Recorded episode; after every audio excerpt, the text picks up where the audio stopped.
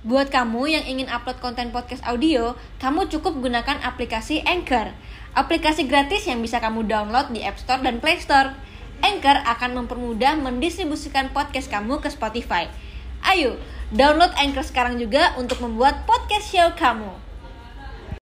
Apakah alasan depresi atau mental health itu bisa dibenarkan gitu untuk kasus bunuh diri ini? Oke, kalau misalkan kita bilang bisa dibenarkan atau tidak, memang kebanyakan kan orang bunuh diri karena dia depresi gitu. Yes. Tapi kalau ditanya bisa nggak sih kita benarkan? Enggak, Karena itu salah ya. salah. Eh, hari ini kita uh, makan dia lagi karena kita mau bahas eh, salah satu yang berita yang lagi viral, yang sempat viral di TikTok. Tapi kayaknya di, di internet kurang viral sih kak. Ini Hmm. tentang Valerie Blue. Ini pemuda berumur 23 tahun yang mengakhiri hidupnya dan menuliskan surat wasiat. Nah, surat wasiatnya untuk dibaca sama banyak orang. Hmm. Dia punya drive sendiri untuk nulisin PDF itu dan kita semua bisa lihat eh, kisah dia dari lahir sampai dia meninggal.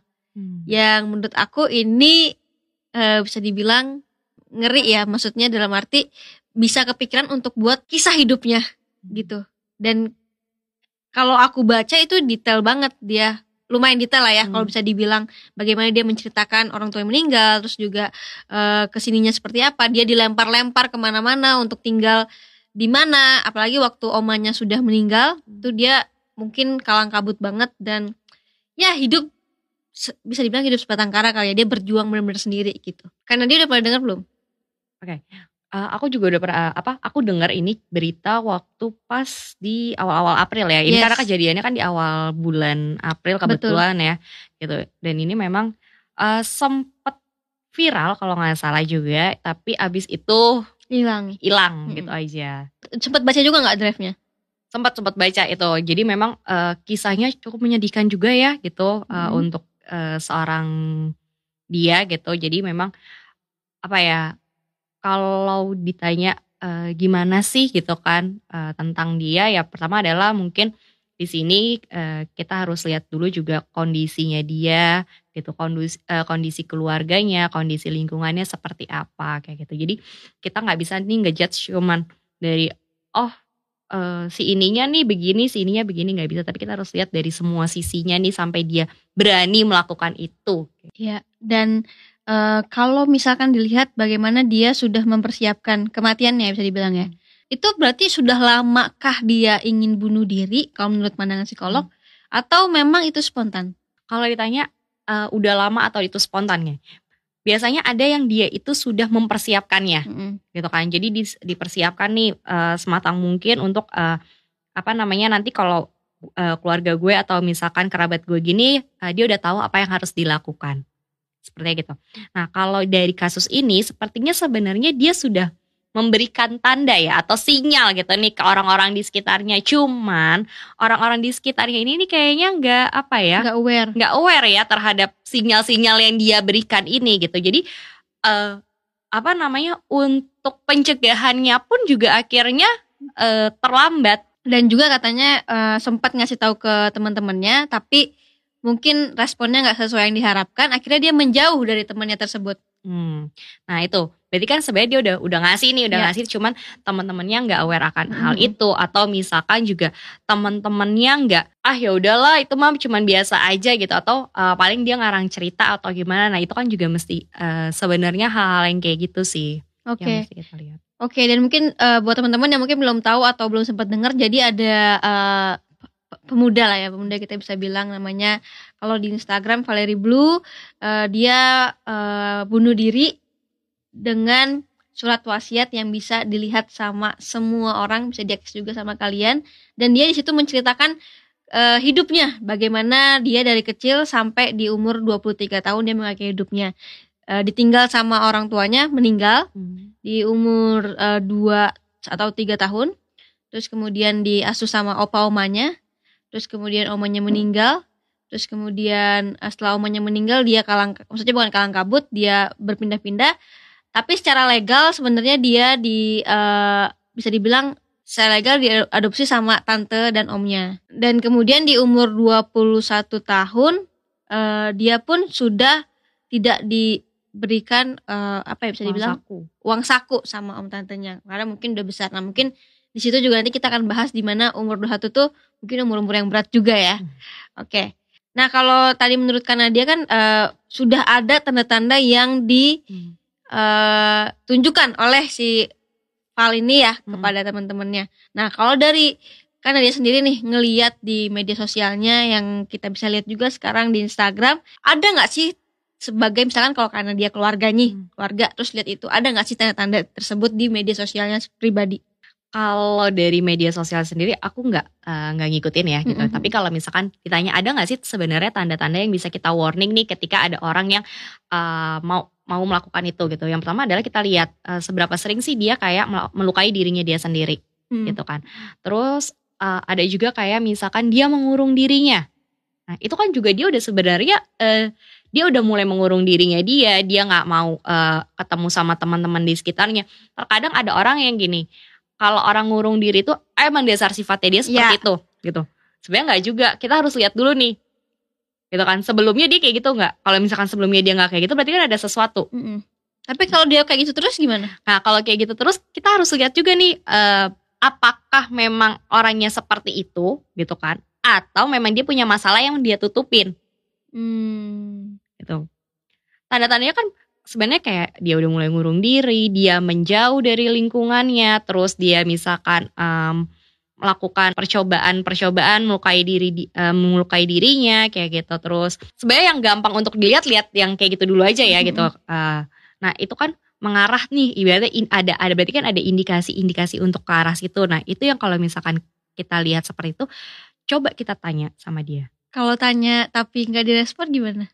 Tanya nggak direspon dalam artinya gimana tuh Kayak misalkan misalkan nih kalau sebagai orang luar misalkan ya lihat teman kita kayak gitu nih. Hmm. Terus kita tanya nih. Tapi ya dia juga ngapain sih tanya atau lu nggak usah urusin gue deh misalkan gitu. Jadi Hmm. ada penolakan dari si uh, orang tersebut. Nah kalau misalkan dia bilang ah, ngapain sih lu eh, ngurusin hidup gue? Enggak, gue nggak, gue bukan mau mengurusi hidup lu, tapi ada baiknya nih kayaknya eh, lo butuh eh, butuh orang untuk cerita gitu. Kalau emang lo butuh orang untuk cerita, kalau memang kita merasa bahwa kayaknya dia butuh cerita nih, gue mau Hmm. kok eh, menampung ceritanya dia gitu. Boleh kok lu cerita sama gue, gitu. Jadi kita apa ya? Ibaratnya eh, kita fasilitasi lah dia gitu. Yuk kalau emang lu mau cerita sama gue boleh nggak apa-apa cerita aja. Mungkin gue bisa bantu gitu. Walaupun nggak banyak nih bantunya tapi gue mungkin bisa bantu lo. Kayak gitu. Paling nggak bikin dia nyaman dulu sama kita. Aku juga lihat nih katanya opanya juga sempat ngajak dia untuk uh, Ketemu ya. kumpul keluarga tapi Mm-mm. dia nggak mau karena Mm-mm, uh, mentalnya mau betulin mental dulu kata dia gitu. mm-mm. Tapi pada akhirnya malah dia dapat kabar Heeh. lain. Mm-mm. Jadi pernah nih suatu hari opanya nih ngundang dia untuk makan keluarga tapi dia nggak mau karena menurut dia eh, ingin menjaga kesehatan mentalnya stabil. Tapi beberapa jam kemudian eh, Val ini diberitahu bahwa opanya kena serangan jantung dan ini membuat si Val ini makin terpukul lagi nih karena ya namanya tadi tolak terus tiba-tiba Hmm. ada kejadian yang tidak diinginkan gitu. Jadi dia makin terpuruk lagi nih. Kan tadinya kan awalnya kan dia mau eh, dia menarik diri nih Mm-mm. dari dari lingkungan keluarganya dia Mm-mm. gitu kan dari eh, lingkungan internalnya dia dia Mm-mm. menarik diri gitu karena oh ya udah deh gue mau gue mau iniin kondisi gue dulu gitu ya. Mm-mm. mau memulihkan kondisi gue dulu. Tapi ternyata tanpa diduga ada yang terjadi lagi nih Mm-mm. sebelum kondisi ini pulih gitu kan. Ya itu yang eh ibaratnya gini belum selesai ditambah lagi ada masalah nih. Nah itu kan makin gitu. Kalau kalau kita ngelihatnya gini apa yang kita lihat eh, di kasusnya dia itu mungkin cuman kalau kita ibaratkan itu adalah eh, gunung es cuman atasnya doang nih Iya. dasarnya doang tapi bawahnya kita nggak pernah lihat Mm-mm. itu yang jadi misterinya kan sebenarnya gitu. kenapa Iya. sampai dia mau melakukan hal itu Ya dan dan ini eh, kalau aku baca cerita itu kayak udah ini tumpuk lagi, numpuk lagi, numpuk lagi Hmm. masalahnya nggak selesai-selesai. Dan tapi kalau bisa dibilang ini kan eh, bisa dibilang ditinggal sama orang tuanya dari kecil ya. Tapi eh, apakah itu juga pengaruh yang besar dalam eh, kesehatan mentalnya dia akhir-akhir ini? kalau ditanya itu berpengaruh nggak gitu nah bisa aja gini karena kita nggak tahu ya pola asuhnya ini kan gini dia dulu usia 2 tahun ditinggal ya. Eh, 2 tahun apa 3 Dua tahun, ditinggal. dua, tiga tahun. Ya kan? Nah, terus udah gitu dia ikut sama eh, diasuh dengan opa dan omanya. Kita tidak tahu cara pengasuhan opa dan omanya seperti apa. Sampai akhirnya omanya nggak ada, eh, dia dipindah lagi kalau nggak Ke salah om tantenya. ya ke om tantenya, terus dipindah lagi ke pade budenya kan. Mm, Setiap pola asuh itu kan berbeda. mm, mm, mm. Kita nggak pernah tahu nih apa yang terjadi di situ. Jadi misalnya kadang mungkin ada yang benar, ada yang Nah, salah. ada yang mungkin terlalu memanjakan, ada, yang, lebih terlalu tiba-tiba keras, gitu ada yang ya. Nah itu kan juga jadi apa ya untuk dia menyesuaikan diri kan gitu. Nah kalau misalkan dia menyesuaikan dirinya aja nggak bagus gimana nih? Mm, mm, mm. Gitu. Jadi dalam masa pertumbuhan dia yang harusnya dia ketemu jati diri malah dirubah lagi, Iya. rubah lagi, rubah lagi. Oke, nah mungkin sekarang kita mau bahas tentang eh, bagaimana media sosial ini mempengaruhi kalangan anak muda ya. Hmm. Dan akhir-akhir juga makin banyak kasus tentang bunuh diri entah gantung diri atau mungkin ada yang eh, lompat dari apartemen dan segala macamnya itu kayaknya aku denger lumayan sering nih sekarang. Nah itu kenapa sih sekarang itu lebih sering terjadi? Atau karena memang tuntutan sosial ekonomi yang semakin tinggi? Oke, kalau misalkan kita ngomongin yang pasti memang kenapa eh, banyaknya kasus bunuh diri ini terjadi itu karena memang banyaknya tuntutan tuntutan tutun- tuntutan yang terjadi kepada diri kita. Dalam artian gini, tuntutan itu banyak eh, dan kita nggak bisa nih saking banyaknya kita nggak bisa untuk apa ya mengendalikan itu gitu. Jadi kemampuan kita untuk mengendalikan itu nggak bisa. Yang berakhir yang berakhir apa? Terjadilah perubahan kesehatan mental gitu kan. Nah, tuntutannya dari mana aja? Ya tadi bisa dari sosial, bisa dari ekonomi. Misal kalau sosial, gimana caranya kita diterima di satu komunitas tertentu? Untuk kita keterima di satu komunitas itu kita harus misalkan A, B, C, D gitu. Mau nggak mau kan kita ikutin dong. Dan bukan jati diri kita sebenarnya ya. Iya, ya kan? Eh, Kalau itu sebenarnya oke nggak sih kak? Kalau ditanya oke nggak sih? Balik lagi, aku tanya ke kamu, kamu nyaman nggak? Enggak. Nah, gitu. Jadi sebenarnya itu nggak baik juga. Gitu. Iya menurut aku sih enggak. Nggak baik karena karena apa? Jadi bukan, Bukan diri, kita, kan. ya. Gitu. Maksudnya Yang kita kita juga tunjukkan bukan diri kita. benar. soalnya. Kita soalnya juga bisa nyari orang yang memang menerima kita Mm-mm. dan mungkin nggak cocok di situ karena kita ya nggak sefrekuensi aja. Nah, itu jadi kita cari yang memang benar-benar circle-nya atau eh, pertemanan ini yang sama-sama kita aja nih gitu. Kita nggak usah yang namanya orang nggak sama ya kita harus bisa ngikutin Namain. dia gitu. Mm. Nggak bisa kita gini. eh ada masanya di mana pasti kita eh, akan mengecewakan dan dikecewakan. Benar. Dan itu capek banget. Nah, jadi jadi jangan pernah takut untuk hal itu gitu. Jadi nggak apa-apa. Mungkin sekarang kita nggak bisa seperti apa yang orang mau gitu. Tapi paling tidak kita punya eh yang jauh lebih baik dari itu. Nah, kayak misalkan juga ada tuntutan ekonomi, Mm-mm. ya kan? Kayak tadi eh, mungkin untuk gue menghidupi ini mau nggak mau gue pinjem pinjol. sana sini apa segala macam. Nah, itu kan berarti kan yang tidak terpenuhi juga. Iya iya benar. Nah aku pengen bacain fakta-fakta yang yang eh, kenapa sih orang itu berani untuk bunuh diri. Nah ini Hmm. ada beberapa eh, fakta mungkin Kak Nadia bisa bantu eh, explain ini tuh sebenarnya benar atau enggak sih. Katanya semakin ditanya alasan malah semakin pengen bunuh diri. kayak semakin eh, ditanya semakin pengen bunuh diri Mm-mm. gitu kan ada yang kayak gitu memang gitu kan. Semakin ditanya eh, kadang gini kenapa lo mau bunuh diri? Ya gue mau bunuh diri pokoknya gini gini gini gitu kan.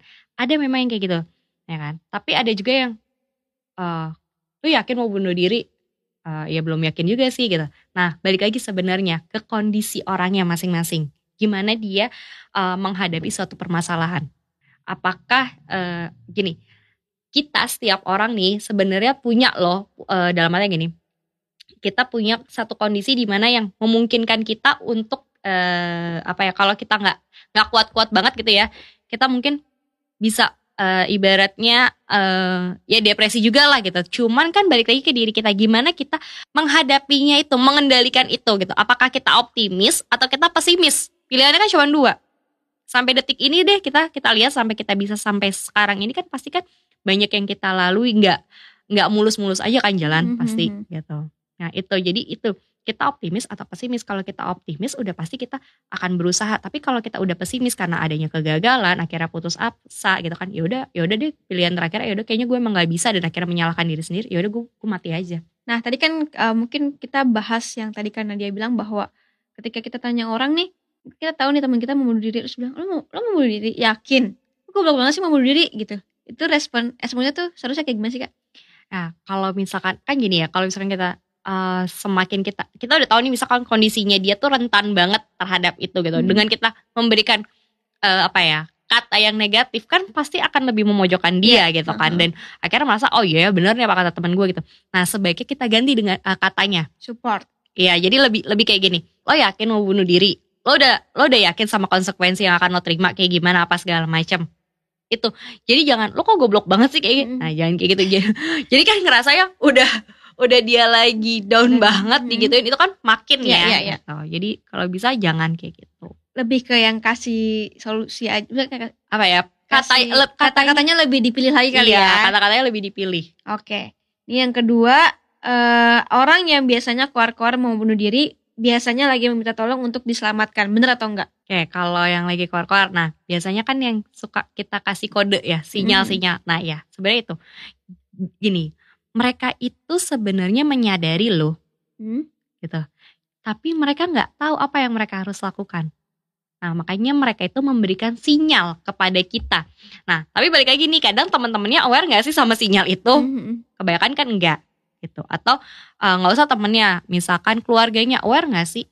Oke. Pernah ada pengalaman nggak tentang orang yang bunuh diri? Kalau untuk aku ada ya temen sendiri. Nah, itu gimana kak? Boleh Jadi teman sendiri gitu kan eh, Dia selalu bilang gini Udah gue mau bunuh diri aja Gue mau bunuh diri aja gitu Ketika dia ngomong kayak gitu Sama teman-temannya eh, Sama teman-temanku juga Kita bilangnya gini Kalau bunuh diri kira-kira nanti menyelesaikan masalah nggak? Apa menambah masalah?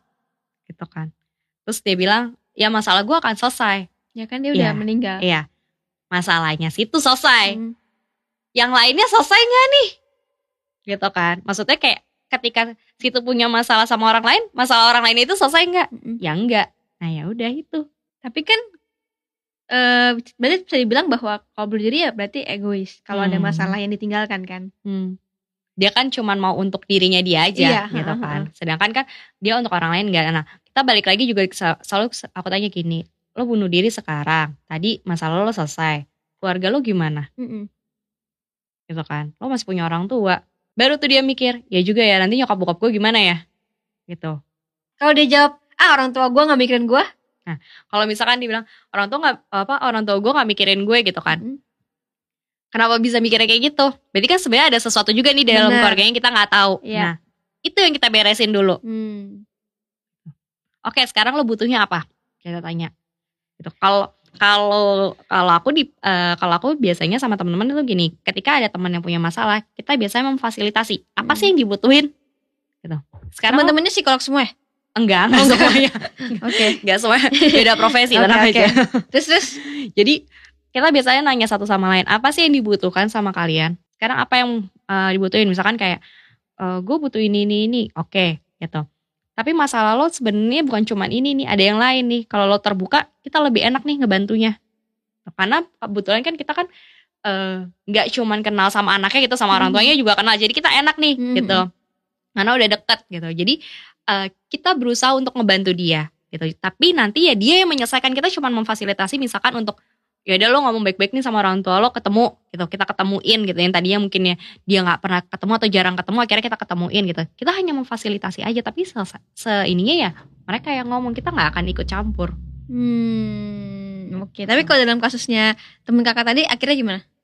akhirnya sekarang dia berpikiran gini kalau gue bunuh diri banyak juga nih hal-hal hal-hal yang negatifnya ya gitu Hmm. kan Eh, apa namanya eh, yang nggak nggak baiknya gitu Eh, dibanding hal positifnya dia mikir kayak gitu kan nah terus supaya bilang gini ya udah kalau lo udah tahu itu ya sekarang gimana pilihannya kan ada di lo kita kan hanya kita hanya gini loh hmm, kita di sini hanya membantu untuk kayak apa ya menyadarkan lah ya gitu Ya. karena banyak tekanan yang terjadi akhirnya dia pikir ah ya udahlah gue ini aja kan Mhm.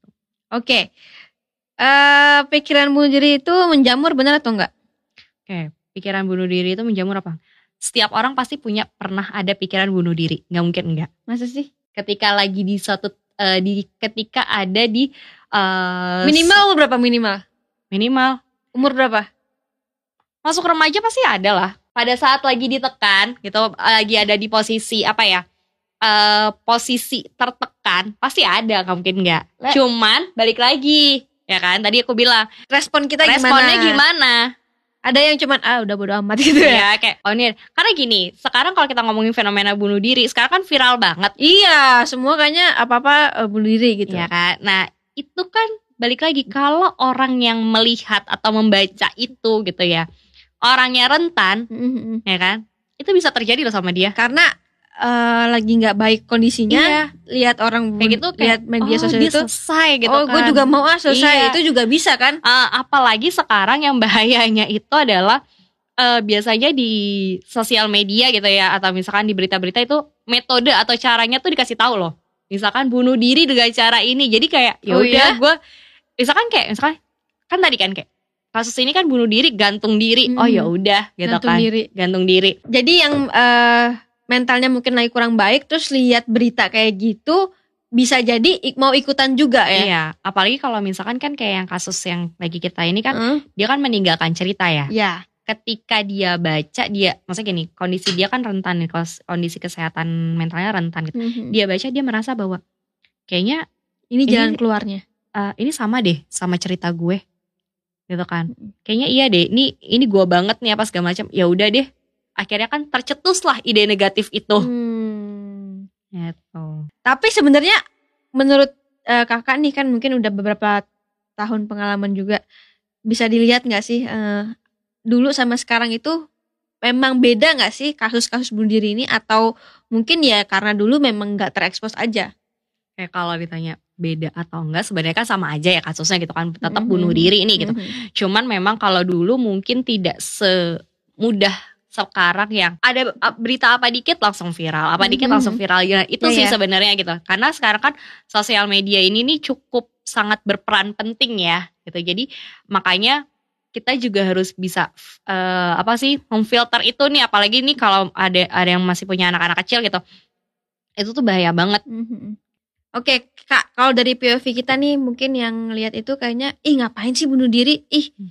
eh, rugi sendiri tahu. Emang jadi bahagia. Tadi kan yang kita bilang itu ya. Hmm. Tapi eh, kita kan nggak tahu nih apa yang dialami sama sebenarnya sama para eh, korban Korban. di luar sana lah bisa dibilang ya.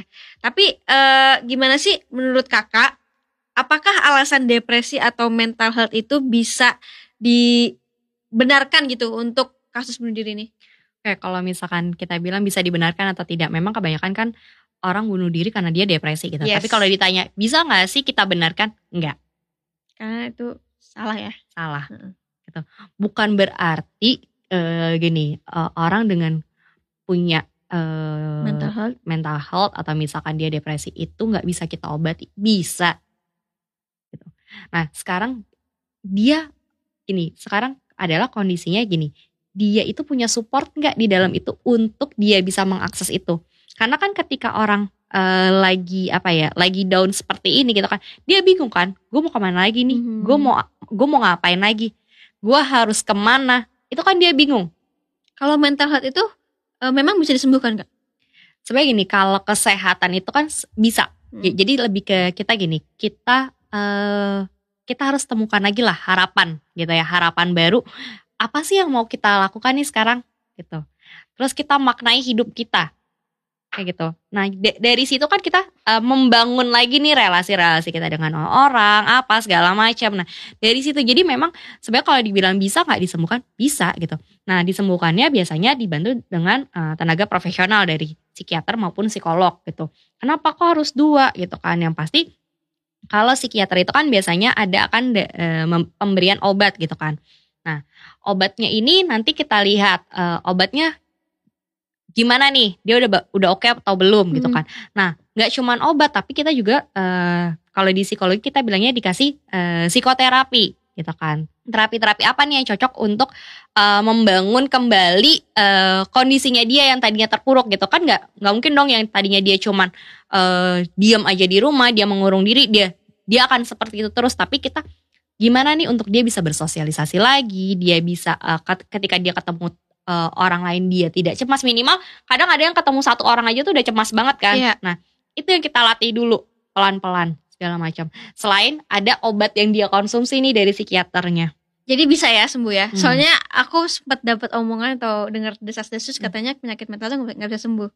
bisa kita maintenance dong Hmm. Gitu. Tapi bisa nggak uh, misalkan udah udah parah gitu ya, udah Hmm. ter, uh, obat terus dari psikiater. Bisa nggak itu berhenti? Ya, jadi kalau misalkan kita bilang lebih ke eh, apa ya? Kalau kita bilang tuh di luar sana eh, ODGJ ya gitu kan. Kalau ODGJ itu biasanya eh dia itu butuh obat kan gitu. Dia jadi dia butuh obat eh, yang memang itu berkelanjutan. Nah, kalau ditanya kapan nih obatnya Bisa selesai lepas. bisa lepas gitu kan itu tergantung dari psikiat eh, psikiatrinya gitu biasanya itu nanti akan ada pertimbangan-pertimbangan juga kalau untuk obat itu gitu nah yang sekarang kalau kalau sekarang kita lihat adalah kalau dari sisi psikologisnya adalah psikoterapinya apa yang dia butuhkan nah itu juga ada di eh, apa di panti-panti di panti-panti sosial itu banyak kok yang kayak gitu Hmm. jadi dia juga eh, terapi farmako farmakoterapinya berarti terapi obatnya tapi dia juga ada psikoterapinya Oke, berarti sebenarnya banyak cara lah ya. Nah, kalau dari sisi psikolog sendiri nih, bisa nggak sih sebenarnya angka bunuh diri itu ditekan?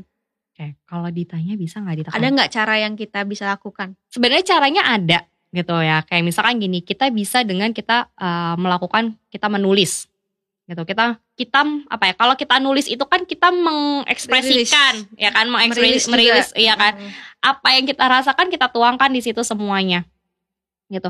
Cuman kalau untuk orang yang nggak apa ya, nggak biasa untuk menulis itu akan susah sebenarnya. Mhm. gitu jadi kita bisa untuk menulis atau kita bisa untuk cerita ke orang sehingga kita mendapat eh, treatment yang tepat gitu kenapa karena biasanya orang-orang kayak gini itu dia bingung mengaksesnya. Hmm. apalagi kalau orang-orangnya maaf misalkan eh, dia menengah ke bawah gitu. Dia bingung kan mengaksesnya eh, kayak gimana apa segala macam gitu.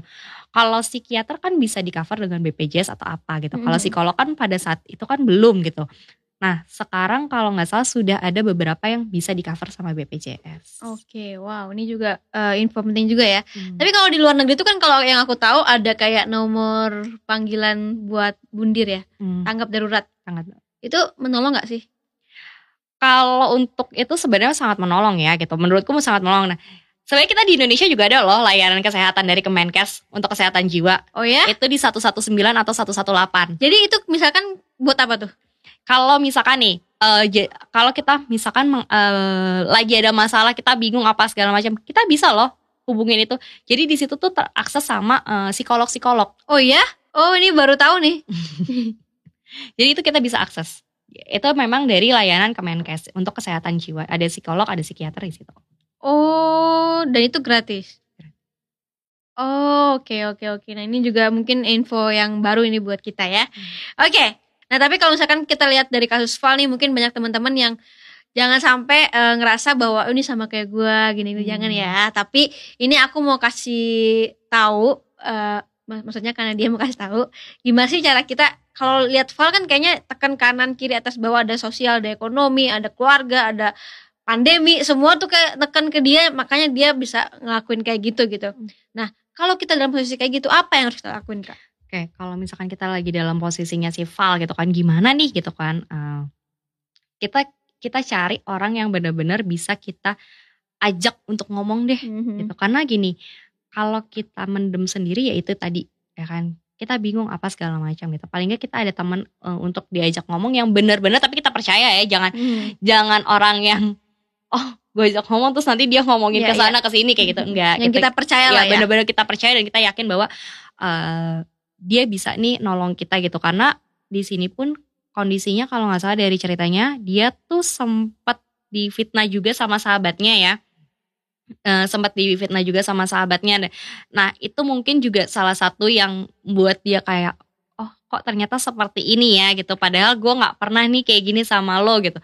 Nah itu. Jadi uh, itu juga ada trust issue yang terjadi gitu apalagi kan keluarga nggak dekat gitu makanya penting banget sih uh, support dari lingkungan itu terutama terutama untuk uh, dari keluarga ya gitu Oke berarti itu tetap kita harus tetap punya support system ya. Kalau misalnya kita dalam posisi Val kita bisa nggak sih berpikir jernih dan dalam diri kita itu benar-benar bisa ngeluarin kayak jangan jangan jangan jangan. nah kalau misalkan lagi dalam posisi itu kan biasanya kita nggak akan bisa berpikir jernih kan karena kan Oke. Udah udah apa ya udah udah apa ya merubah Mhm. merubah kondisi mental kita, emosi kita, pikiran kita semuanya udah udah berubah kan gitu. Ya udah gue mau cari jalan cepatnya aja. Nah, Nah inilah uh, kenapa gunanya orang-orang terdekat sebenarnya. Untuk apa sih? Untuk bisa uh, apa ya? Ibaratnya mendampingi dia lah ketika dia lagi kayak gitu. Eh, lo yakin mau kayak gini gitu? Ingetin lah kayak gitu.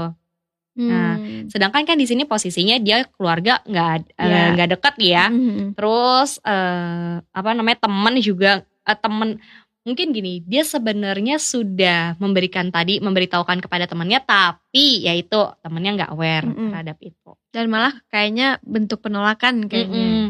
nah bentuk penolakan ini kan kita nggak tahu ya kenapa sih kok temannya menolak gitu mm. nah itu juga kita yang masih nggak tahu nih oke okay. nah terakhir deh mungkin buat kita nih ya kalau misalkan kita uh, punya teman atau punya keluarga yang kita ngerasa bahwa dia itu punya uh, bisa punya pikiran untuk bunuh diri gitu lah. Itu apa yang harus kita lakukan? Yang pertama adalah kita tanya ke dia, terus kita dengerin ceritanya apa sih permasalahannya kayak gimana sih. Lalu kita tanya apa yang sekarang kamu butuhkan, apa yang aku bisa bantu untuk itu, apa yang aku bisa fasilitasi untuk kamu. Gitu. Misalkan aku mau ini ini ini, oke. Gitu. Kita bantu kita, kita bantu untuk hal itu. Hmm. Jadi, uh, lalu uh, kita juga beri dukungan ke dia. Gitu. Jadi kita beri dukungan ke dia bahwa ini kayak gini gini gini loh gitu. Uh, apa namanya kita juga kasih kayak apa ya saran lah ke dia kamu yakin mau kayak gini kalau memang misalkan dia ternyata butuh uh, profesional ya kita fasilitasi untuk kasih itu karena terkadang orang yang seperti itu dia bingung kan mau ke mana ya benar nah ini juga deh buat ya mungkin semoga dengan obrolan aku sama uh, Kanadia yang uh, psikolog bisa bikin teman-teman di rumah juga belajar banyak tentang mental health dan segala macam. Semoga dengan video ini akhirnya banyak teman-teman di rumah yang aware juga dan juga lebih sayang diri sendiri. Nonton sampai habis ya, makasih ya. Jangan lupa follow Instagram aku di sini dan nonton video lainnya di sini.